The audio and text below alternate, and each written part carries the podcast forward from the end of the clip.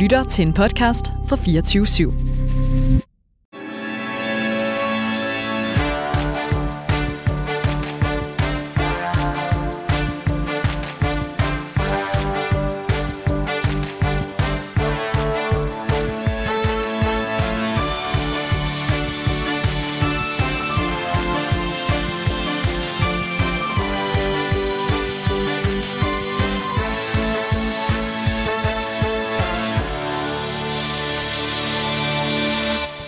Velkommen til Danmarks mest ærlige debatprogram, Politik på en onsdag.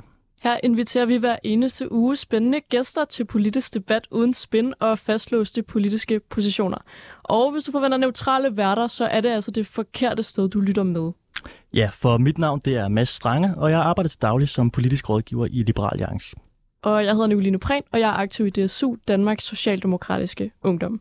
I dagens politik på en onsdag er du, Mads, vikar for Simon. Øh, han er taget på vinterferie, så øh, velkommen til dig. Du har været gæst før, øh, men i dag er din første dag som vært.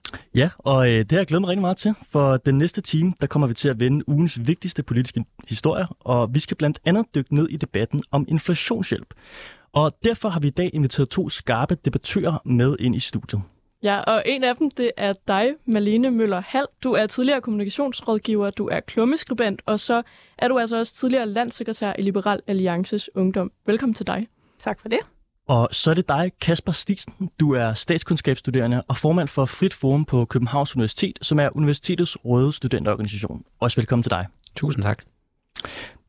Men inden vi går til debatten om inflationshjælp, så skal vi lige høre, hvad der har fyldt på jeres politiske radar. Vil du lægge for kaj, Malene? Hvad optager dig politisk for tiden? Det vil jeg meget gerne. Jeg synes egentlig, der foregår enormt mange spændende ting politisk for tiden. Det har der jo generelt været en tendens til de seneste år. Men, øh, men det, jeg tror, der har optaget mig meget for tiden, har været hele stressdebatten i kølvandet på Jakob Ellemands øh, sygemelding, og samtidig i, i slipstrømmen af, at Jakob Marx har udgivet en bog ved navn øh, Fartblind, som jo også handler om hans øh, tidligere øh, stresssygemelding, og hvordan han har håndteret det efterfølgende. Jeg synes hele den debat, der er opstået øh, på ny om øh, arbejdskultur og arbejdstryk og presset både på politikere, men også øh, generelt, som på arbejdsmarkedet generelt set er, er enormt spændende. Øhm, fordi det åbner jo mange forskellige nuancer op, både i forhold til et præstationssamfund og accelerationssamfund, og, og hvad det er, vi forventer øh, som samfund øh, af arbejdsmarkedet. Så det synes jeg er en spændende debat, øh, der er åbnet på ny. Ja, helt sikkert. Faktisk så havde vi netop stress øh, oppe at vende i sidste uge i Politik på en onsdag, så man kan jo altid lige gå tilbage og høre det afsnit, hvis man øh, synes, det lyder spændende. Øhm, jeg tænker, at jeg kan spørge øh, dig, Kasper Stisen. Hvad øh, har du lagt mærke til politisk i den sidste uge, der er gået? Jamen, både den sidste uge og vel sådan set de sidste par måneder, der har øh, det helt store emne for mig været øh, Storbededagsdebatten. Øh, jeg stod også på øh, Slotpladsen øh, den, øh, der forrige øh, søndag og stod øh, og råbte og skreg, fordi øh, at den finansiering, øh, regeringen har valgt at finde der, jo er øh, fuldstændig øh, øh, uretfærdig at man vælger at øh, sende en regning til, øh, til lønmodtagerne, samtidig med, at man giver skattelettelser til dem, der har øh, allermest i vores samfund. Og nu i den her uge er der jo så kommet frem, at øh, Finansministeriet i virkeligheden slet ikke vurderer, at det kommer til at have så stor øh, betydning på arbejdsudbuddet, og dermed heller ikke på den finansiering, øh, som øh, forslaget det vil have, øh, hvilket jo bare er endnu et argument for, at regeringen skal, skal droppe det. Øh, så det er særligt det, der, der optager mig, og øh, jeg tror desværre, det kommer til at optage os øh, læng, øh, lang tid endnu, fordi øh, det er sådan en skandale, der bare bliver ved med at rulle, øh, hvordan man kan afskaffe noget, øh, der overhovedet ikke har en effekt. Ja, det er også en spændende debat. Jeg kunne egentlig godt tænke mig at høre, Nicolien, hvor står du henne i den debat? Altså, du er jo socialdemokrat, men du er også en ung socialdemokrat, og øh, ja, hvis man ligesom øh, lader lad Kaspers ord stå til trone her, så er der jo mange unge mennesker i Socialdemokratiet, der ikke er tilhængere af at afskaffe store bededag. Jamen, det, øh, der øh, kan jeg så erklære mig enig med resten af øh, den socialdemokratiske ungdom, tror jeg også med, med Kasper. Jeg tror endda også, vi lige fik en uh, snak ind på, uh, på Slotspladsen til demonstrationen der. Um, Ja, jeg synes også, det er skørt, og jeg tror også, at jeg synes, der er noget i, nu nævnte Malene jo det her med stress. Jeg synes også, der er noget i det der med, at øh, samfundet ikke skal bevæge sig i en retning, hvor vi skal arbejde mere, øhm, men netop det omvendte. Øhm, jeg synes, det er sådan et vildt ærgerligt signal at sende også til især en ungdom, som jo faktisk er ret presset i forvejen, øhm, at høre her, nu skal du, nu skal du bidrage endnu mere øhm, på arbejdsmarkedet, øhm, og det skal du tvinges til, og du får taget en helligdag, øh, som har eksisteret i 400 år fra dig. Øhm, og så synes jeg øh, også, at, at, at der er noget i, øhm, altså selvfølgelig i at bare tage en, altså en fridag fra øh, lønmodtagerne. Sådan. Og jeg synes især, at den her kobling til forsvaret er øh, sådan lidt vild at lave, øh, fordi at jeg tror også, at man strategisk kunne overbevise nogle flere, hvis man havde sagt, at det var for at få for eksempel råd til en bedre psykiatri eller sådan et eller andet. Øh, fordi pengene går ligesom ind i den, og ud af den samme kasse. Så på den måde synes jeg også, at det her sådan kryds, der er lavet fra at øh, afskaffe en heldag til at få penge til, til forsvaret og til krig i Ukraine, er lidt ærgerligt, fordi man så på en eller anden måde får tegnet os, der er imod afskaffelsen af bededagen, op som nogen, der, der ikke synes, vi skal hjælpe øh, ukrainerne i krigen mod Rusland. Ja, lige præcis. Altså, hele argumentationen i, øh, i fadesen om Stor Bededag har jo været altså, fjollet, latterlig og decideret komisk fra ende til anden. Altså, øh, jeg er jo sådan en kerneborgerlig liberal mand, så jeg så gerne, at vi øgede arbejdsudbuddet og fik flere mennesker til at, at komme ud på arbejdsmarkedet. Øh, det kunne fx være ved at hæve pensionsalderen, det kunne være ved at tilbagerulle Arne-pensionen, øh, det kunne være ved at afskaffe efterlønnen. Der er mange gode muligheder, men lige netop at afskaffe stor bededag, det, er, det er ikke noget, jeg er fan af. Øh, en anden ting, der også har fyldt lidt på min politiske radar på det seneste, det er... Øh, jeg skulle til at sige tosserierne, det er måske lidt tavligt, men, men det tør jeg alligevel godt sige alligevel i, i Nye Borgerlige, fordi det er godt nok vanvittigt, hvad der foregår der. Altså, øh, det startede jo med, at Mette Thiesen få dage efter folketingsvalget forlod partiet, fordi hendes kæreste havde været involveret i et slagsmål med nogle af de ansatte i partiet. Og øh, kort efter det, så meldte Mikkel Bjørn, som var det unge, store øh, nationalkonservative talent, også sin afgang og, og meldte sig i stedet ind i, øh, i Dansk Folkeparti. Senest har vi hørt, øh, at formanden og næstformanden for Nyborgerliges ungdomsorganisation også har meldt sig under Messersmiths faner, og nu har de så fået valgt en ny næstformand. Øh, det er Henriette Ervmann, og hun har været rigtig aktiv på de sociale medier med en masse interessante øh, budskaber. Hun har øh, blandt andet sagt, at dem, der modtager coronavaccinen, de øh, bliver forgiftet, og at øh, politikerne i virkeligheden får en sprøjte med salvand i stedet. Så har hun sagt, at øh, daværende generalsekretær for UNICEF og tidligere justitsminister Karen Hækkerup er en sindssyg killing, og hun har også beskyldt hende for at slå uskyldige børn ihjel. Øh, jeg tror, det her med at slå børn ihjel, det er en reference til, øh, til vaccinen. Øh, hvad, hvad tænker I om situationen i Nye Borgerlige? Jamen, hvis jeg ikke skulle have sagt stress, så havde jeg faktisk tænkt mig at tage situationen i Borgerlige, og, ikke, og også situationen i DF, for jeg synes, det er ret interessant, hvordan DF pludselig er opstået som fugl Phoenix igen, efter at uh, Morten Messerschmidt er blevet frifundet, og at de, uh, de unge, nye borgerlige, uh, håbefulde uh, mænd har meldt sig ind under Morten Messerschmidts faner igen. Det er sjovt at se, hvordan politik pludselig kan vende fra, at uh, noget går virkelig, virkelig skidt, til at man, man pludselig uh, får en oprejsning. Så det synes jeg har været ret interessant at se. Og det efterlader jo Nye Borgerlige en uh, horribel situation, fordi hvad der er tilbage igen at bygge på derudover øh, øh, Lars Bøge.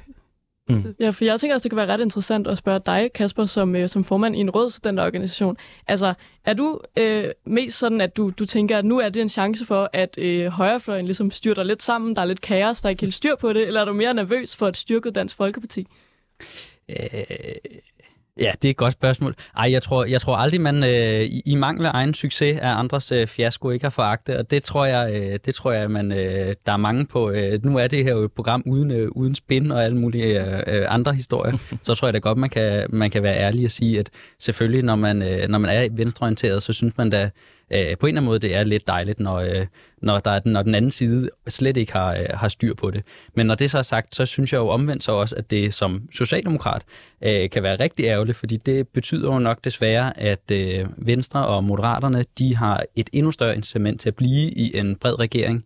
Øh, og det synes jeg jo er utrolig ærgerligt, for jeg så jo hellere, at man fik en rigtig rød regering, som førte øh, rød retfærdig politik, øh, frem for det her sådan lidt, øh, lidt øh, midterteknokrat øh, regering, som ingen rigtig, øh, som ingen rigtig øh, får noget ud af. I kender udtrykket om, at øh, den ene mands død er den anden mands brød. Øh, kunne man ikke forestille sig, at det, at det står dårligt til i Nye Borgerlige, bare vil gøre, at det står endnu bedre til i Dansk Folkeparti, og at det derfor ikke vil så, altså, svække højrefløjen som helhed, men at det bare vil svække Nye Borgerlige?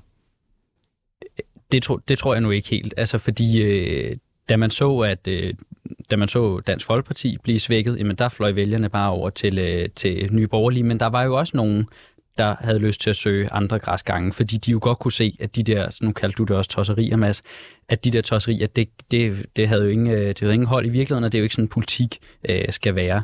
Øh, så jeg tror faktisk, at øh, det, at, øh, det, at der er nogle andre, der, øh, der også øh, tosser rundt, at det kan samlet være, være rigtig godt for, for Centrum Venstre. Fordi mange af de ting, som de jo øh, kunne tænke sig at gøre, for eksempel Dansk Folkeparti, med at være det parti, der øh, er øh, det bankende hjerte, øh, de borgerlige bankende hjerte, jamen det er jo øh, meget af den velfærdspolitik, som bliver fundet øh, Øh, over på venstre side af spektrummet. Og der håber jeg da, at der er mange af de folk, der overvejer sig at stemme på Dansk Folkeparti, men har set det parti øh, bryde sammen, og nu måske genopstå, i virkeligheden måske tænker sig mere om og siger, måske skulle jeg bare vælge den ægte vare, den ægte velfærdsvare, frem for det der sådan lidt øh, ja, plastikkopi.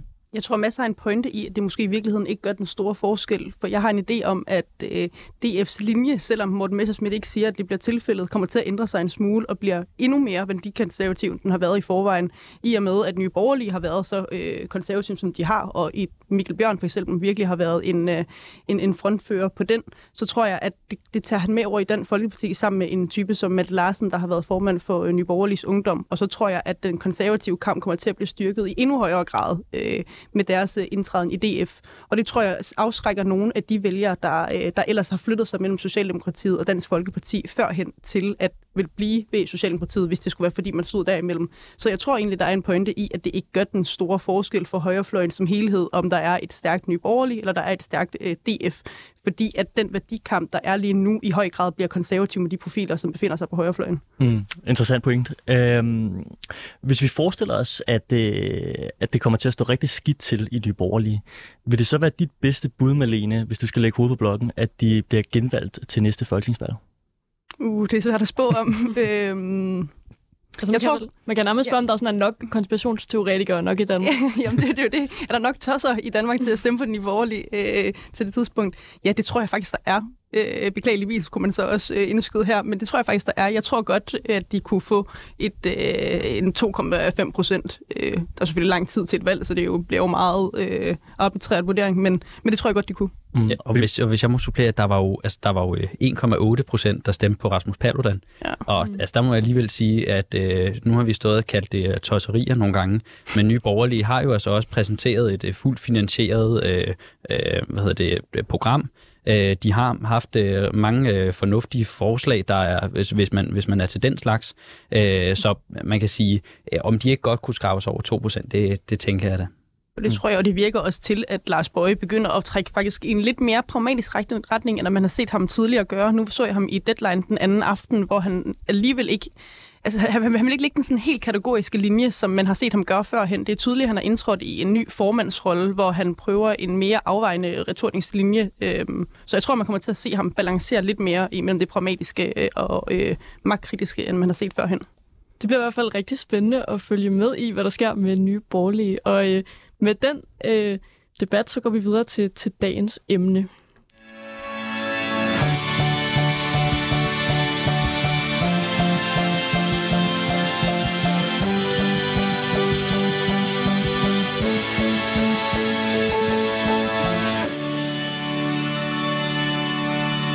Du lytter til Politik på en onsdag med Mads Strange og Nicoline Prehn, hvor vi i dag har besøg af Malene Møller Hall, som er tidligere landsekretær i Liberal Alliances Ungdom, og Kasper Stitsen, som er formand for Frit Forum København. Ja, med finansminister Nikolaj Vammen i spidsen kunne alle partier i Folketinget, ud over Enhedslisten, de konservative og Liberal Alliance, for nyligt præsentere en ny inflationspakke. Inflationshjælpen byder blandt andet på ekstra penge til modtagere af ældrechecken, personer, der får SU-handicaptillæg, enlige forsørgere samt små købmænd. Og så indeholder pakken også 300 millioner kroner til udsatte børnefamilier. Men aftalepartierne har endnu ikke øh, forhandlet sig frem til, hvilke børnefamilier, der skal have glæde af pengene. Og øh, det har altså vist sig at blive lidt af en udfordring. For øh, fra Dansk Folkeparti's Morten Messersmith, så lyder det blandt andet, at pengene altså ikke skal gå til indvandrerbørn i ghettoerne. Øh, og i enhedslisten, så mener man til gengæld, at øh, beløbet burde være meget højere. Så spørgsmålet er, om danskerne overhovedet skal have en håndsrækning i en tid med stigende priser? Hvem er det, der i så fald skal have inflationshjælp? Og risikerer man ikke blot at forværre inflationen, når man giver danskerne flere penge mellem hænderne? Lad os lægge ud med dig, Kasper Stisen. Skal danskerne have inflationshjælp? Ja, selvfølgelig skal de det. Øh, det synes jeg, at øh, mange, øh, mange års øh, kriser har øh, vist os, at øh, dem, man kommer bedst igennem, det er dem, hvor man holder hånden under dem, der har mindst. Øh, vi så jo det modsatte under finanskrisen. Øh, der, lå man, øh, der lavede man besparelser. Man lå værd med at støtte dem, der røg ud af, af job og så røg ud af dagpengesystemet øh, og man lå øh, fanden tage de sidste. Øh, det synes jeg var, det var en helt forkert øh, måde at gøre det på. Det kunne vi jo se i forhold til den økonomiske situation, der opstod bagefter. Det var jo 5, 6, 7 år med øh, krise, øh, og det var jo faktisk først øh, det, efter øh, Helle Thorning-regeringen, at vi rigtig kom ud af krisen igen. Øh, og derfor så øh, synes jeg, at det har bevist, at selvfølgelig skal man holde hånden under dem, der har mindst i en krise. Og så, som der også bliver sagt, jamen, så er inflation jo en særlig størrelse, fordi at man bliver nødt til at gøre tingene i balancer. Du bliver nødt til at huske, at de penge, som du skal bruge på noget, de skal også, de skal også hentes ind, eller også så skal vi bruge pengene øh, balanceret, så vi ikke puster inflationen øh, endnu mere op. Det synes jeg, regeringen præsenterer et fint forslag på her, men man kunne jo godt skrue mere på nogle knapper, altså, fordi det er jo det totale, øh, de, det totale mængde af penge, der er ude i samfundet, der skaber, der skaber forbrug, som, som kan puste til inflationen. Og der kunne man jo godt tage noget øh, fra nogen, for til gengæld at give noget til nogle andre. Det vender vi tilbage til senere. Malene Møller Hall, samme spørgsmål. Skal danskerne have inflationshjælp? Mm, nej, det synes jeg ikke, man skal. Jeg synes slet ikke i den form, som regeringen har præsenteret det i nu, fordi det i høj grad bare bliver en form for gavebodspolitik, hvor man deler gaver ud til sit eget vælgersegment, frem for rent faktisk dem, som er nødlidende. Man kan også se i, i øh, inflationspakken, at over halvdelen af pakken jo rent faktisk går til ældre, øh, som har et, øh, et rådighedsbeløb på 15.000 kroner øh, udbetalt øh, hvilket er ret meget. Øhm, så jeg synes egentlig, den rammer ret skævt, øh, den pakke, som man, øh, som man har givet. Og det var også lidt min spørgsmål til dig, Kasper, at hvis det er, at man skal give til dem, som har mindst, hvorfor er halvdelen af pakken så gået til ældre, som rent faktisk har meget i forvejen, og ikke nødvendigvis mangler de penge? Jamen, man kan jo sagtens sige, når, når du tager øh, beløbet op og bare siger 15.000, så lyder det jo så lyder det jo højt i forhold til os, der er studerende, og som får en, og som, og som får en, en og som får en SU på på 6.600. Men når du så øh, indregner, at øh, folk har et, øh, et højt øh, forbrug af blandet medicin, øh, de har en masse andre store øh, faste udgifter, for eksempel fordi de øh, har, en, øh, har deres husleje er stedet, øh, deres elregning er stedet, og de har ikke, ligesom vi studerende har, muligheden for at kunne gå ud og øh, tage et, øh, et ekstra job. De har gjort deres tørn på arbejdsmarkedet, og derfor synes jeg sådan set, at det rammer øh, rigtig godt i forhold til de ældre, som jo er en af de, de svageste grupper, vi har i vores samfund. Så Malene, hvis vi lige holder fast i det her med, om vi bør hjælpe danskerne, så mener du, at det, det, det kan vi godt gøre, men det er bare den forkerte målgruppe. Det skal ikke være de ældre? Jeg synes, man skulle hjælpe på en anden måde, hvis det endelig skulle være. Det kunne fx være øh, skattelettelser, som, øh, som masser sagde i starten. Man kan hæve øh, hvad hedder det, sænke bundfradrag og finansiere det på den måde, i stedet for, så alle folk får flere, flere penge mellem hænderne. Man kunne også sænke afgiften på, øh, på el. Der er mange andre måder at, at gøre det på, i stedet for end, øh, end at give øh, hjælpepakker til kun nogle udvalgte vælgersegmenter. Øhm, det synes jeg er en forkert måde at gøre det på, og det puster jo et også kunne yde det til inflationen, så vi forlænger den pine, som, øh, som mange af de nødlidende står i i forvejen, frem for, at, øh, frem for rent faktisk at prøve at, at forkorte den. Kasper, er du ikke bange for, at vi kommer til at puste til inflationen? Øh, jo, det er men ikke med det, som, øh, ikke med det, som regeringen foreslår. Det vil jeg til gengæld være rigtig bange for, hvis man gjorde det, som øh, Malena foreslår. Fordi hvis øh, alle øh, får noget, så hvis det overhovedet skal have en effekt, så bliver vi nødt til at komme op på, i nogle ret høje, øh, i nogle ret høje beløb. Øh, og der vil jeg være rigtig nervøs for det. Det er jo også derfor, at Nationalbanken har, øh, ikke har anbefalet det. De har faktisk frarådt, at man går ud og giver generelle øh, mm. generelle lettelser, øh, men i stedet for har de anbefalet de her nålestik, hvor man går ind og sørger for målrettet at ramme dem, der har, øh, der har det allersværest. Og det er jo både øh, dem, der lige nu står i den situation, hvor de skal vælge mellem at købe mad eller at købe livsvigtig medicin. Mm. Det er dem, der står og skal vælge mellem, om de skal øh, fryse, fordi de, øh, fordi de ikke har råd til at tænde for deres varme, eller om de skal have mad. Øhm, og det er jo netop nogle af de folk i, øh, i vores samfund, som kan have brug for den her helt målrettede hjælp. For hvis man giver alle, så giver du også dem, der i forvejen har utrolig mange penge. Og jeg synes sådan set ikke, at pengene de skal gå fra dem, der øh, fryser, til bankdirektøren. Øhm, selvfølgelig skal øh, den, øh, skattelettelserne finansieres i det offentlige forbrug, og så har Nationalbanken øh, anbefalet, at man sparer 1% af BNP i den økonomiske aktivitet, øhm, hvilket også kan svare til skattelettelser eller en besparelse i, øh, i den offentlige sektor. Så der er mange måder at gøre det på. Øhm, og i forhold til, om det er bankdirektøren eller er dem, som sidder og fryser, som øh, får mest ud af at det hæve øh, bundfordraget, eller sænke bundfordraget, undskyld, øhm, så er det jo klart dem, som ikke har særlig meget mellem hænderne i forvejen, der får mest ud af at få et øh, et 7.000 kroner eksempelvis, som er liberal allianspolitik, øh, skattefrit om måneden. Så det er jo dem, som rent faktisk vil kunne mærke, at det gør en forskel at få flere penge mellem hænderne. Ja, det men, men man får det sammen. Så, så det er stadigvæk 7.000 kroner, og de 7.000 kroner falder jo klar på et mere tørt sted hos øh, dem, der lige nu sidder og vælger mellem, om de skal købe medicin eller mad.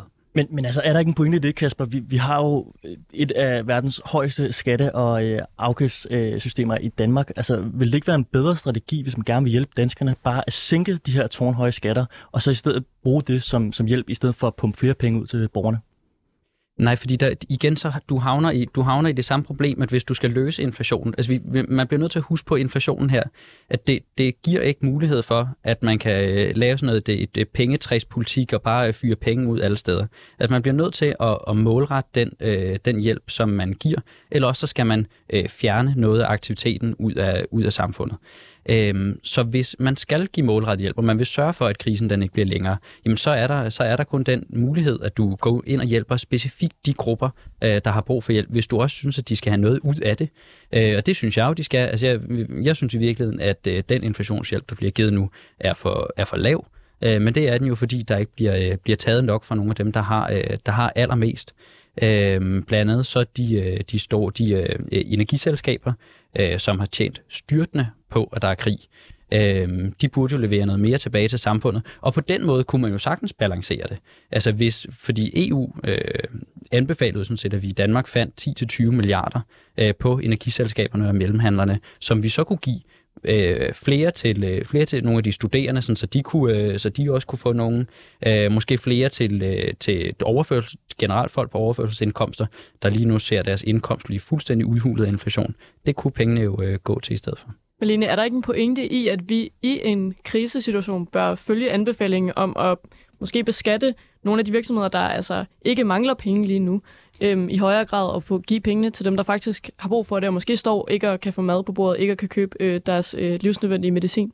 Det er bare en rigtig farlig vej at gå og begynde at pille ved markedsmekanismerne på den måde, fordi det, det virksomheder gør, især øh, energiselskaber og, og, og trader energi, det er jo, at de påtager sig en risiko. Så i de tider, hvor det går rigtig godt, øh, der får de så det, som vi nu og Venstrefløjen især definerer som overnormale profitter, som vi så vil beskatte efterfølgende.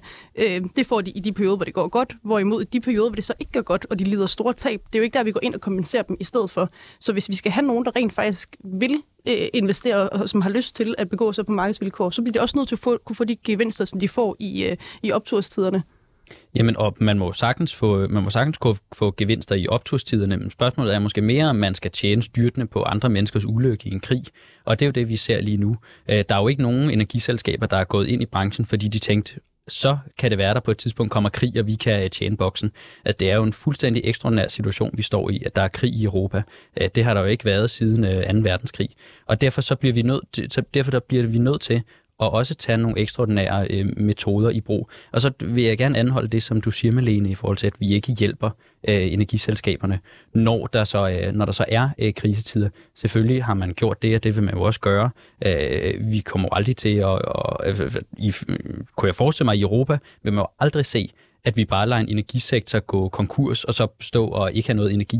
Så selvfølgelig hjælper man også øh, energisektoren i de andre perioder. Så det handler om at udligne. Og lige nu, der står folk og mangler penge til øh, mad, varme og medicin. Og det kunne de selvfølgelig godt bidrage med.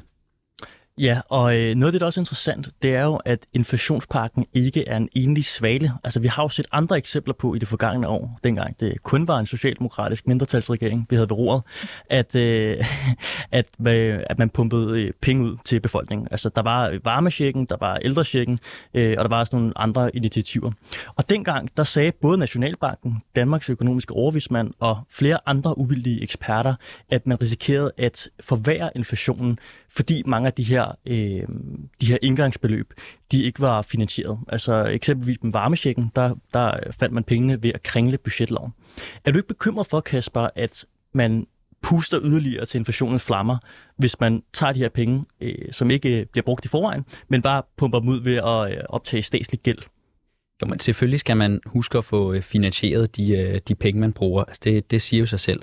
Og så du er modstander af den finansiering, der var på de tidligere, altså for eksempel på, varmesjekken og på... Ja, det synes jeg da sagtens, man kunne have gjort meget klogere. Altså, øh, nu, er jeg ikke, nu, nu, er, nu, nu er jeg ikke som sådan modstander af, at man piller lidt ved en budgetlov, som øh, nok har gjort mere skade end gavn, end i hvert fald har sørget for at lægge en øh, stor dæmper på øh, alt det, som man kunne tale om af politiske prioriteringer.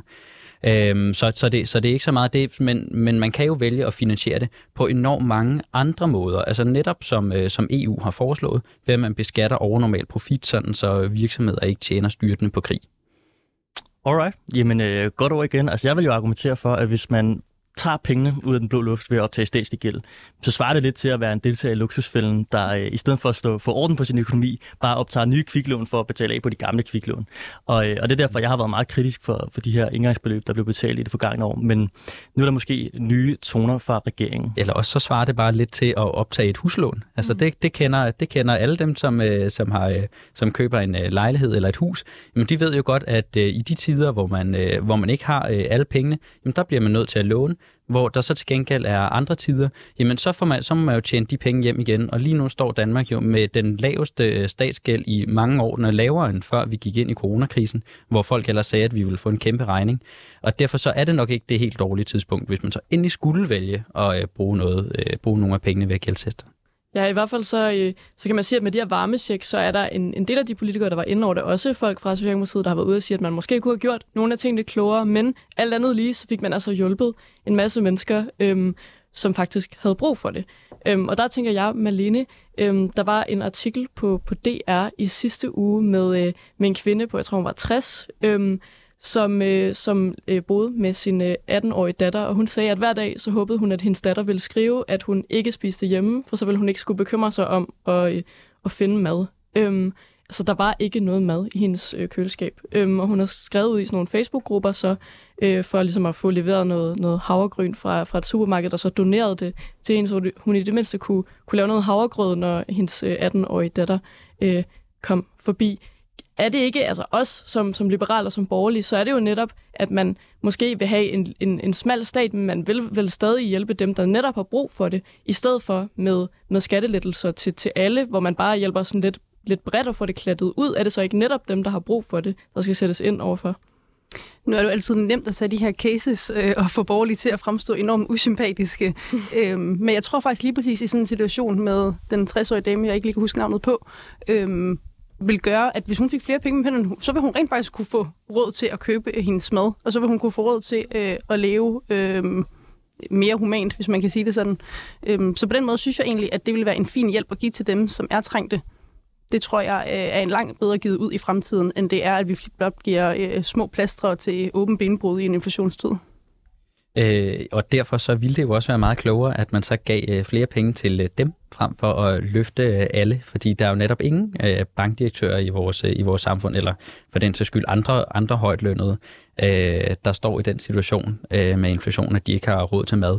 Selvfølgelig så er der krig i Europa, og det betyder også, at det godt kan være, at øh, den der øh, påskeferie, man ellers planlagde til øh, Barcelona, det kan være, at man lige skyder den til efterårsferien eller venter til næste år. Øh, så, sådan må det jo være, og der må vi jo alle sammen gøre nogle, gøre nogle øh, ofre, ikke nogle specielt hårde, nogle, øh, for at der er krig, øh, men at man i stedet for brugt pengene på dem, som, øh, som faktisk har de allerstørste behov, altså inden for mad, medicin, øh, varme, og det synes jeg sådan set, at regeringen gør rigtig fint i det her forslag. De burde nok bare have gjort noget mere. Mm. Noget af det, der også bekymrer mig ved den her tendens, det er, at jeg tror, det er ret farligt, hvis vi vender os til, at det skal være politikerne inden fra øh, Christiansborgs tykke mure, der sidder og på bedrevidende vis øh, sådan håndplukker forskellige segmenter i befolkningen, som skal hjælpe, mens andre bare bliver efterladt på perronen. Og det er netop på den baggrund, at jeg er meget større tilhænger af at lempe skatten, for eksempel i bunden. Altså, så er det jo ikke fortrinsvis bankdirektøren, som det bliver ved med at nævne, der bliver, øh, der bliver til gode set, men derimod helt almindelige danskere, som ikke nødvendigvis lige kan afgøre, hvem der vinder hvilket valg, men som ikke desto mindre har brug for, for, for hjælp til at betale deres regninger i den her pressede tid med stigende priser. Hvad siger du til en øh, sådan model i stedet? Men det, men det er bare ikke rigtigt, det er ikke rigtigt, at man så øh, bare hjælper øh, tilfældige danskere. Hvis man giver skattelettelser, så vælger du bare at hjælpe andre danskere. Nej, du hjælper øh, alle danskere. Det er det, jo, point. Hvis, jo, hvis du sænker skatten i bunden, så er det jo alle danskere, der vil blive hjulpet. Jo, men der er jo så også nogle danskere lige nu, der ikke har, der ikke har et behov for hjælp. Mm. Og, så, og så, så vælger du bare at hjælpe på så vælger du bare at hjælpe på en særlig måde. Så, du, øh, så hjælper du jo øh, relativt set øh, dem, der har mindst, øh, meget mindre, end du kunne gøre, hvis du, øh, spred, hvis du i stedet for øh, målrettede den hjælp. Så det er jo rigtigt, ja, der er, øh, så, så kunne alle øh, få et lille bitte beløb, øh, for, det, øh, for det vi i stedet for øh, havde, havde lagt i den her, hvad hedder de, den her øh, øh, inflationspakke. Øh, og, det, og det er jo selvfølgelig et politisk valg. Malene, er du, øh, er du øh, enig med, med Kasper her? Så skal jeg bare lige forstå, at altså, du vil gerne give skattelettelser til nogen, men ikke til alle, eller hvordan skal det forstås? Nej, nej, nej. nej altså, du vil gerne give hjælp til nogen, men ikke, men ikke til alle, eller sådan, hvordan... Øh...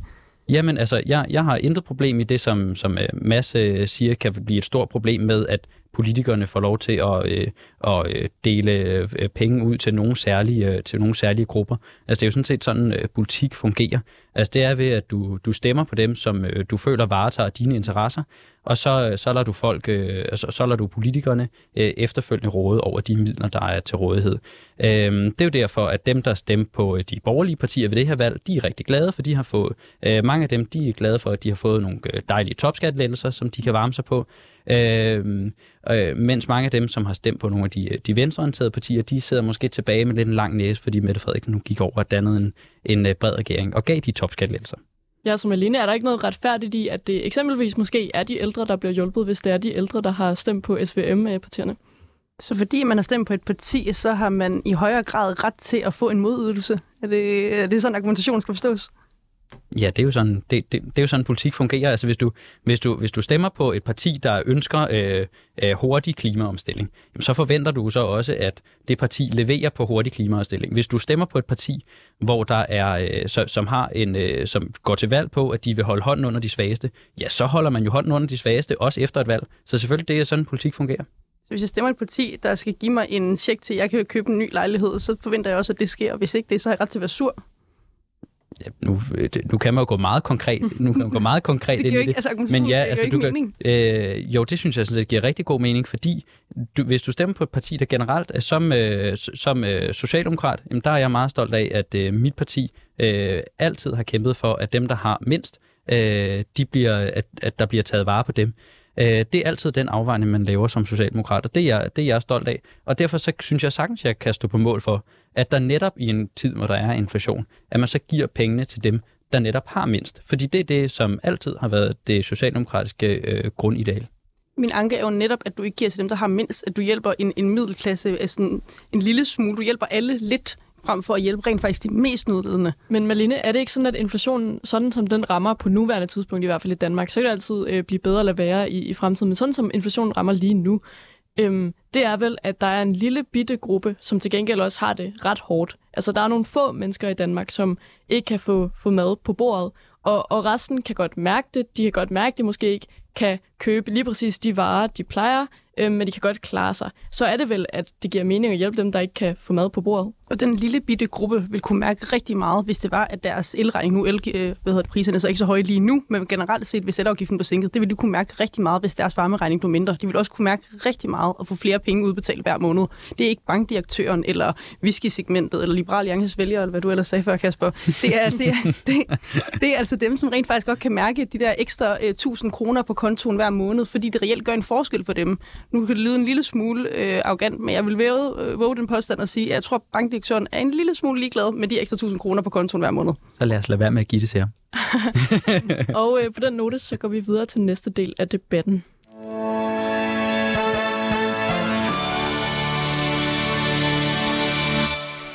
Du lytter til Politik på en onsdag med Mads Strange og Nicoline Prehn, hvor vi i dag har besøg af Malene Møller Hall, som er tidligere landsekretær i Liberal Alliances Ungdom, og dig, Kasper Stisen, som er statskundskabsstuderende og formand for Frit Forum i København.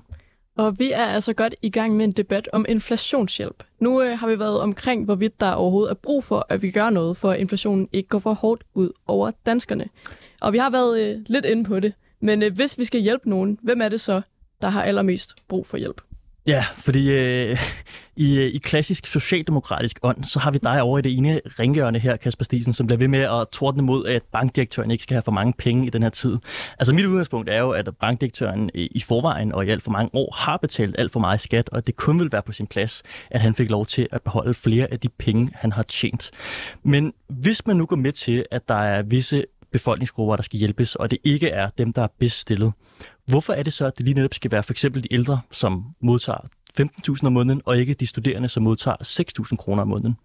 Jamen, øh, det som jeg er rigtig glad for ved øh, regeringens øh, øh, aftale her, eller ja, Folketingets aftale om inflationshjælp, det er netop, at man hjælper dem, som ikke kan hjælpe sig selv. Altså det er øh, de ældre, der har allermindst i forvejen og modtager en ældrecheck. Øh, dem kan man jo ikke bare bede om at gå ud og tage et øh, ekstra arbejde. De har arbejdet øh, hårdt hele deres liv. Øh, og øh, de må nu blive, øh, der må vi andre sørge for at holde hånd under dem. Øh, det kan også være de enlige forsørgere, øh, dem som har en hverdag, der gør, at øh, hvis man er øh, enlig far eller mor, jamen, så kan du ikke bare lige tage øh, nogle ekstra øh, timer på jobbet, fordi der er børn, der skal hente sig mad, der skal laves. Mm. Øh, og det er jeg rigtig glad for, at det er dem, der nemlig ikke kan hjælpe sig selv, som, øh, som vi som samfund går ind og støtter. Du nævnte også før det her med, at de studerende jo kan arbejde lidt mere på deres studiejob. Men hvis de i første omgang har muligheden for at arbejde mere på deres studiejob, hvorfor skal vi så øh, i, i udgangspunktet bruge penge på at betale dem SU, hvis de bare kan arbejde mere? Jo, men det er jo, det, det, det er jo så en større diskussion omkring, om vi, hvorfor vi overhovedet har SU, men vi har jo SU, som øh, der, kan, der kan støtte de studerende i også at bruge tid på deres øh, studier. Øh, vi har jo indrettet et samfund, hvor universitetsuddannelserne er øh, fuldtidsstudie. Øh, det er øh, inklusiv også frit forum. Øh, måske øh, kritiserer vi, om det reelt set er, øh, og om man kunne øh, bruge, øh, få stillet større krav til de studerende, så de brugte øh, mere tid på deres studier. Men den øh, tid, de studerende skulle bruge på deres studier, den bliver jo frataget nu, hvis de ikke får nogen hjælp fra staten i tiden med stigende priser, fordi de dermed skal bruge mere tid på deres studiejobs.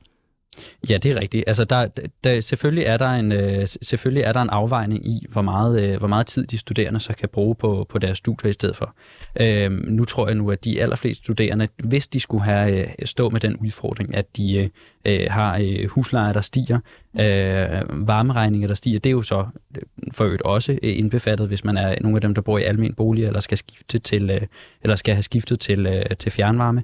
Men hvis man er en af de studerende, der står med stigende regninger, jamen, så har man jo mulighed for i, øh, i weekenden, hvor man, hvor man ikke studerer, og så kunne tage en ekstra tørn, fordi vi lige nu har øh, så tårnhøj beskæftigelse og et arbejdsmarked, der skriger på, at øh, flere går ind og giver en hånd med.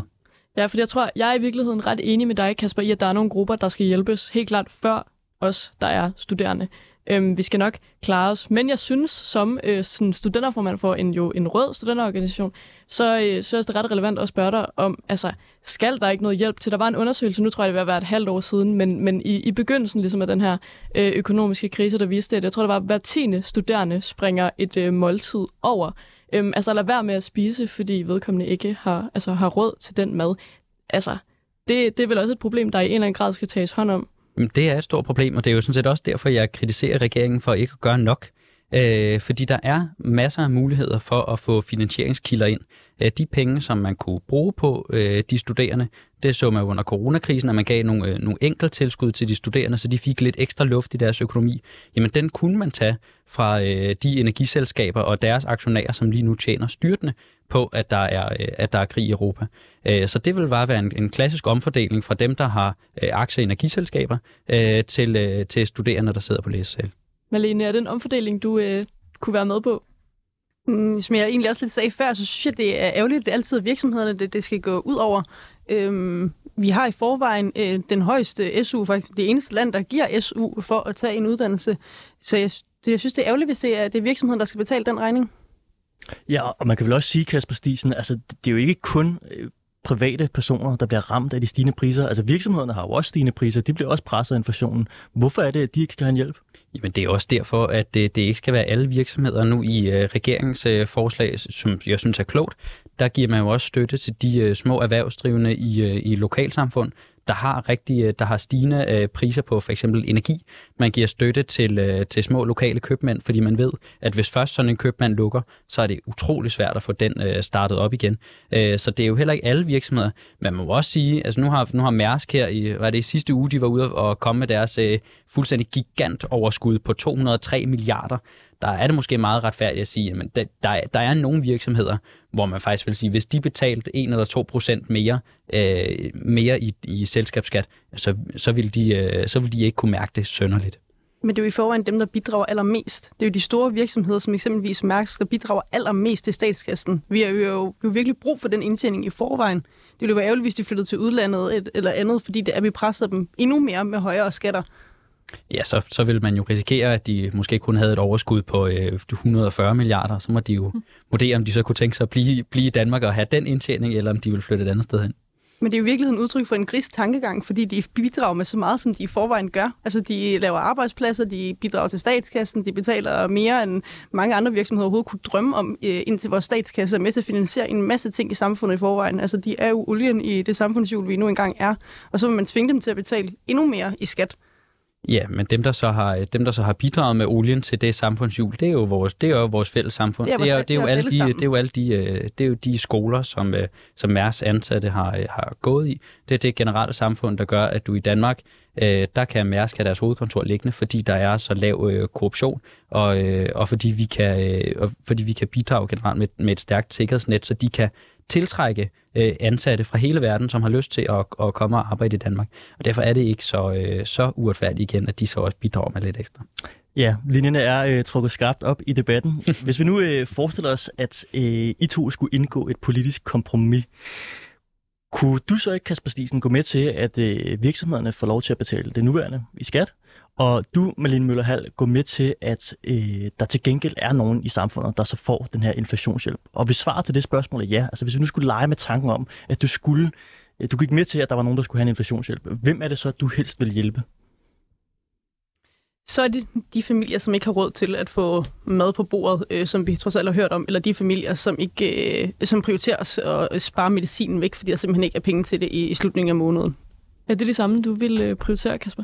Ja, ja altså som jeg, som jeg sagde øh, tidligere, det er alle dem, der ikke, øh, der ikke har mulighed for at gøre noget selv og løfte sig selv ud af den situation, de står i.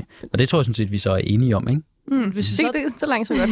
det er ikke, jeg er enig i inflation, så ret set. Jeg synes stadigvæk, at det er andre øh, tiltag, man skal tage i brug i stedet for. Men hvis det nu skulle være. Mm. Ja, så I kan faktisk godt mødes. Og hvis vi så tager fat i netop de her børnefamilier, som I måske begge to godt kunne gå med på at hjælpe, så er... Øh, aftalepartierne jo faktisk ikke blevet enige om endnu, sådan hvilke børnefamilier og hvordan de skal hjælpes. Vi hørte øh, det her citat fra Morten Messerschmidt, der sagde, at det i hvert fald ikke er indvandrere, børnefamilierne i ghettoområderne, øhm, som skal hjælpes, og, og enhedslisten, som var ude at sige, at, at der ikke var nok penge til at hjælpe alle de børnefamilier, der har brug for det. Altså, hvilke børnefamilier, og hvem kommer så til at bestemme, hvilke børnefamilier der skal være? Skal man ligesom øh, skelne mellem, om det er børnefamilier i ghettoområder eller børnefamilier uden for ghettoområder? Jeg synes bestemt ikke, man skal skille mellem, hvilke børnefamilier man så hjælper. Hvis man hjælper børnefamilier, så hjælper man alle børnefamilier. Hvordan det, det snit skal ligge, så synes jeg er svært at sige, om det skal være en ansøgningsproces, det skal ikke blive for bøvlet, eller, eller hvordan, det skal, hvordan det skal gøres i praksis. Det synes jeg øh, rummer mange gråzoner. Øh, det er svært at sætte, øh, sætte ord på. Ja, altså man må sige, det som man skal, skal holde sig for øje er, at man ikke holder nogen familier fastlåst, ikke? fordi vi står jo også i et, vi står i et arbejdsmarked, der lige nu skriger på arbejdskraft og hvor vi ser, at beskæftigelsen den er tårnhøj, blandt andet fordi, at rigtig mange af de, øh, af de indvandrere, der tidligere ikke havde et arbejde, nu bliver løftet ind på arbejdsmarkedet. Og det skal man jo holde fast i. Man skal holde fast i det incitament, der er, at det er skide godt at få et arbejde, fordi det løfter både dig og løfter resten af din familie. Øh, så forhåbentlig så kan vi holde, øh, holde opsvinget kørende, så de bliver. Og derfor så skal man jo huske, at øh, tilskuddet kan jo heller ikke blive så stort, at det, for, at det for nogle mennesker ikke kan betale sig at få, at få taget et arbejde. Men øh, udover det er jeg så helt enig i, at jeg synes ikke, at et børnetilskud skal, øh, skal myndes på hudfarve eller religion. Mm. Og hvis vi så går længere ned af, af den her sti med vores lille tankeeksperiment, hvor I to har fundet fælles fodslag om en politisk aftale om inflationshjælp, så kunne man jo godt forestille sig, at det ville være svært øh, at udmynde pengene i praksis. Altså, fordi en ting er, at I kan blive enige inden bag Christiansborgs tykke mure, som jeg sagde før, men noget andet er, om pengene så også rent faktisk finder vej til borgernes bankkonti. Fordi da aftalen om varmehjælp blev indgået tilbage i starten af 2022, der endte den jo først med at blive udbetalt i august måned i 2022, altså et halvt år efter aftalen var blevet øh, ja, øh, vedtaget. Og det betød jo også, at, at folk så fik varmehjælp i årets varmeste måned, hvor man jo har mindst brug for varmehjælp, fordi radiatorerne ikke ligefrem kører på højtryk i 30 graders varme. Vi så også eksempler på, at øh, det ikke var dem, der skulle have modtaget inflationshjælpen, som rent faktisk endte med at få den. Altså der var eksempler på, at borgmestre med en øh, lønning på mere end en million om året fik hjælp. Der var eksempler på, at rockerborg fik hjælp. Og så var der eksempler på, at dem, der rent faktisk så skulle have modtaget pengene, ikke fik den. Hvordan vil I sikre jer, hvis I skal implementere den her inflationshjælp, at pengene rent faktisk finder vej til borgerne? Det er utrolig svært, og øh, det som, øh, det, som man jo øh, valgte fra regeringens side, desværre, det var jo at sløjfe det midlertidige børnetilskud, der jo allerede virkede. Øh, og det vil sige, at du i, øh, i øh, lynets hast jo nu skal til at lave en ny model, og det synes jeg er utrolig ærgerligt, øh, fordi man står i en situation, hvor rigtig mange af de her børnefamilier har brug for, har brug for hjælp. Så man burde jo nok have holdt fast i den model, der var. Øh, det flertallet bag det er nok øh, desværre smuldret væk. Mm. Og så må man, øh, synes jeg ligesom med varmehjælpen, acceptere, at man måske får lavet en situation, får lavet øh, en model, hvor man giver til øh, de rigtige, men man, der også kommer til at være nogle, øh, nogle enkelte misser. Altså det med varmehjælp, var det jo sådan anekdotisk, at der selvfølgelig var nogen, der, der ramte skævt, og det var også, og det var også alt for mange, øh, men der var virkelig også mange, der øh, fik den varmehjælp, som øh, de havde brug for. Jeg, jeg kan godt være bekymret for den proces i, igen. Et, jeg tror, den kommer på bagkant. Vi ser allerede nu, at inflationen er øh, dalende. Den er faldet 1 procentpoint øh, alene øh, for januar. Så den kommer jo allerede på baggrund af, hvornår danskerne rent faktisk har brug for hjælp. Og hvis man kender øh, til de byråkratiske processer øh, generelt set, så ved man jo godt, at den sikkert formentlig kommer øh, om nogle måneder, hvor vi forhåbentlig inflationen er, er endnu mere faldende. Så jeg kan godt være bekymret for processen, og at det det derfor bliver lidt en overflod i øh, hjælpepakke endnu en gang. Men altså, er det et argument, at ting er gået galt før, at man så ikke kan prøve at gøre det bedre nu? Jeg synes ikke, det er et argument, at det er gået galt før, men det er da klart en ting, man kan tage op til efterrationalisering. Hvis man har givet noget på bagkant en gang før, og processen ser ud til at blive den samme igen, så synes jeg, at man skal overveje, hvorvidt om det giver mening at gøre eller ej. Er det noget, du er nervøs for, Kasper, at, det, at de her penge måske først bliver udbetalt for de, til de mennesker, der har brug for dem til, til sommer, for eksempel, hvor der måske ikke lige så høj grad er brug for at varme ens hus op? Ja, det kunne jeg godt være nervøs for. Jeg synes, det er, øh, jeg synes øh, desværre, det er lidt skræmmende, at regeringen ikke tør gå ud og love dem, der øh, tidligere fik øh, det midlertidige børnetilskud, at de kommer til at få øh, mindst det samme igen. For det betyder jo, at de står med en enorm usikkerhed. Øh, så jeg, jeg er meget enig. Øh, jeg, man kan sagtens være nervøs for, at, øh, at, det kommer til, at det kommer til at gentage sig. Øh, det synes jeg dog ikke øh, skal holde en tilbage i forhold til at holde hånden under de børnefamilier, der har allermindst. Det er meget interessant, Kasper, fordi du, øh, jeg synes, du i flere forskellige omgange her i dag har altså, været ret kritisk stemt over for, øh, for regeringen, der jo trods alt har din egen partiformand som, øh, som øh, øverste leder for enden mm. af, af bordet. Øh, hvad, hvad tror du, der, øh, der ligger til grund for, at Mette Frederiksen laver så mange ting lige nu, som du ikke kan støtte op om?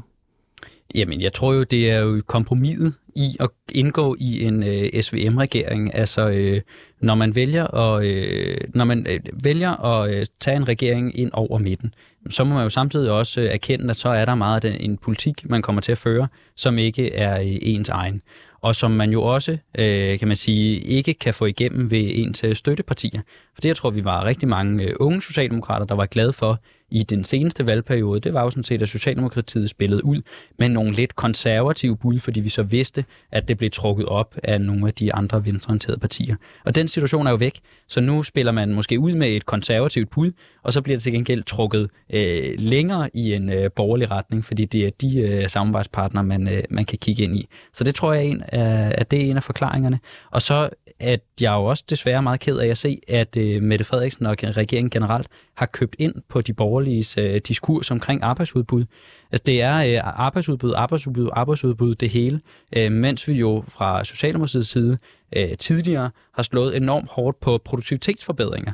Og hvis man læser Reformkommissionens øh, anbefalinger, som er blandt andet dem, der har kommet med øh, anbefalinger om den etårige kandidat, så viser de jo netop, at meget af den øh, vækst, vi har fået i Danmark, kommer fra produktivitet, ikke fra øget arbejdsudbud. Så der burde man jo styrke produktiviteten i stedet for ved øh, mere, mere bedre uddannelse, øh, ekstra støtte, så til dem, der tager uddannelse, for eksempel tager en efteruddannelse eller en videreuddannelse. Det synes jeg er ret interessant, for jeg tror, jeg ligger mig øh, meget i tråd med dig, Kasper, og havde i hvert fald også meget hellere set en, en ren rød regering. Øhm, og er nervøs for især det her med, får vi taget godt nok hånd om de svageste i en økonomisk krise, men også nervøs øh, på områder som klima for eksempel. Bliver der gjort nok? Øhm, jeg synes, det kunne være meget spændende at høre dit blik, Malene, som, øh, som borgerlig. Altså, øh, er du gladere for SVM-regeringen, end du var for, for den rene S-regering? Altså, det er øh, klart mere begejstret for en mindre regering, jeg er for en rød regering. Om jeg er udelukkende begejstret? Nej, selvfølgelig ikke. Men øh, i den situation, vi står i nu, så er det nok den mest forlagte situation, vi kan være i. Det er trods alt et forholdsvis borgerligt øh, regeringsgrundlag, de har lavet, hvor du, som du siger, at Socialdemokratiet i høj grad har købt ind på borgerlige præmisser øh, som reformprogrammer og øget arbejdsudbud. Øhm, jeg forstår dog ikke helt modsætningen mellem produktivitet og arbejdsudbud, for det ligger jo netop op til, at der skal være efteruddannelse med den nye 3 plus 1 kandidatordning, 500-1000 ekstra studiepladser. Øh, man vil have mere fokus på IT og STEM-uddannelser generelt set, så der er jo nogle, nogle gode takter i det i forhold til at øh, imødekomme arbejdsmarkedet. Men er du ikke bekymret for, om Jakob Ellemann har solgt sig selv for billigt, da han gjorde Mette Frederiksen til statsminister? Jo, det er jeg bekymret for. For der er vel også noget i, at det her med at komme med sådan en hjælpepakke på inflationsområdet, altså det er, tænker jeg, vel noget, der, der kommer fra Socialdemokratiet, især fordi fokus netop er pensionister, udsatte børn og så mindre købmænd. Ikke? Øhm, er, tænk, er du nervøs for det? Nu skal jeg lige spørge, om du er nervøs for... Altså for, at, at Socialdemokratiet alligevel får et, et for stort øh, sådan øh, øh, indflydelse på, på den politik, som Jakob Ellemann jo så er gået med på. Altså nu havde vi også tidligere programmet den der samtale om, om nye borgerlige og sådan hele blå blok. Jeg synes bare, når vi har en sådan øh, borgerlig liberal debattør i studiet, er det var meget interessant at høre dit blik på SVM-regeringen. Altså er du, er du nervøs for, at øh, der aldrig igen ligesom kommer sådan en, et blot sammenhold efter, at øh, Jakob Ellemann pegede på, på Mette Frederiksen? Jeg er nervøs for, hvordan Jakob Ellemann og Venstre generelt set har tænkt sig at vise, at de fører borgerlig politik, fordi det er jo, hvis man kigger på Venstres øh, gang mod midten øh, de senere år, så er det jo i virkeligheden i høj grad Venstrepolitik, som står i det her regeringsgrundlag. De har bare været dårlige til at være ude og kommunikere omkring det. De har været dårlige til at sælge det. Men jeg er helt sikkert bekymret for, hvordan de et kommer til at udlægge politikken de kommende år, og to, hvordan de har tænkt sig at finde tilbage igen til Blå Blok, hvis det er det, de gerne vil. Fordi Jakob Ellemann og Venstre skal jo på en eller anden måde få cementeret, at der stadigvæk er noget, der hedder Blå Blok, og der stadig er noget, der hedder et borgerligt projekt, og at jeg synes, de skal melde øh, klart ud, hvis det i hvert fald er det, de vil, at øh, Jacob Ellemann stadigvæk er statsministerkandidat for en øh, blå regering øh, til næste valg. For ellers så tror jeg, at man efterlader et, øh, et tomrum til, øh, til folk som Alex Vandomslag og Morten Messerschmidt, øh, der kan byde ind i det rum i stedet for. ja, det vil jeg også have noget imod. Kasper Stisen, hvad siger du til det? Øh, jamen, det er, det er jeg meget enig i. Jeg tror også, at man godt kunne øh, komme til at efterlade et, øh, et rum, så der er, er plads til andre. Og det øh, vil jeg også synes for meget beklageligt, fordi det ville jo så gøre, at øh, Jakob Ellemann og Lars Lykke kommer til at blive øh, stavnsbundet til Mette Frederiksen. Jeg vil hellere have, at hun bliver øh, gode veninder med øh, Pia Olsen Dyr igen. Malene? Men jeg tror, at øh, en overset ting er, at jeg ved, at Venstrefløjen har været e- enormt ked af, at der er blevet en, en midterregering, og, og Højrefløjen har været enormt ked af, at der har været en midterregering. Men jeg tror i virkeligheden, det er i høj grad Højrefløjen, der har vundet på den her regering, øh, hvilket er en lille smule overset, fordi det netop er, som du siger, et, øh, et reformregeringsgrundlag, øh, man har været, øh, man har spillet ud med. Det er virkelig mange borgerlige takter i det i regeringsgrundlag.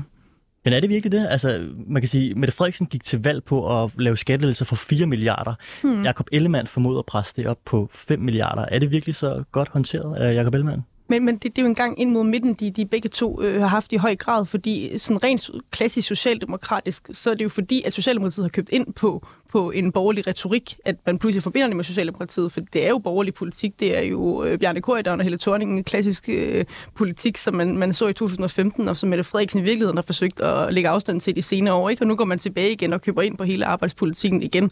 Så det er jo, på, altså, man giver jo virkelig køb på de klassiske socialdemokratiske arbejderprincipper, man ellers har forsøgt at opbygge, og med stor succes i de senere år. Ja, jeg, står, jeg står og nikker. Jeg står og nikker simpelthen, og er, øh, Øhm, fordi det er øh, netop det, man har, øh, man har købt ind på, og alligevel så brug, har man den frækhed at bruge øh, argumentet om, at vi bliver nødt til at afskaffe stor bededag, øh, for overhovedet at have råd til noget af det her, men samtidig så har man råd til alle de skattelettelser. Det blev det sidste ord i dagens udsendelse af Politik på en onsdag. Tusind tak, fordi I var med. Kasper Stisen, formand for Frit Forum i København, og Malene Møller Hall, klummeskabent og tidligere landssekretær i Liberal Alliances Ungdom.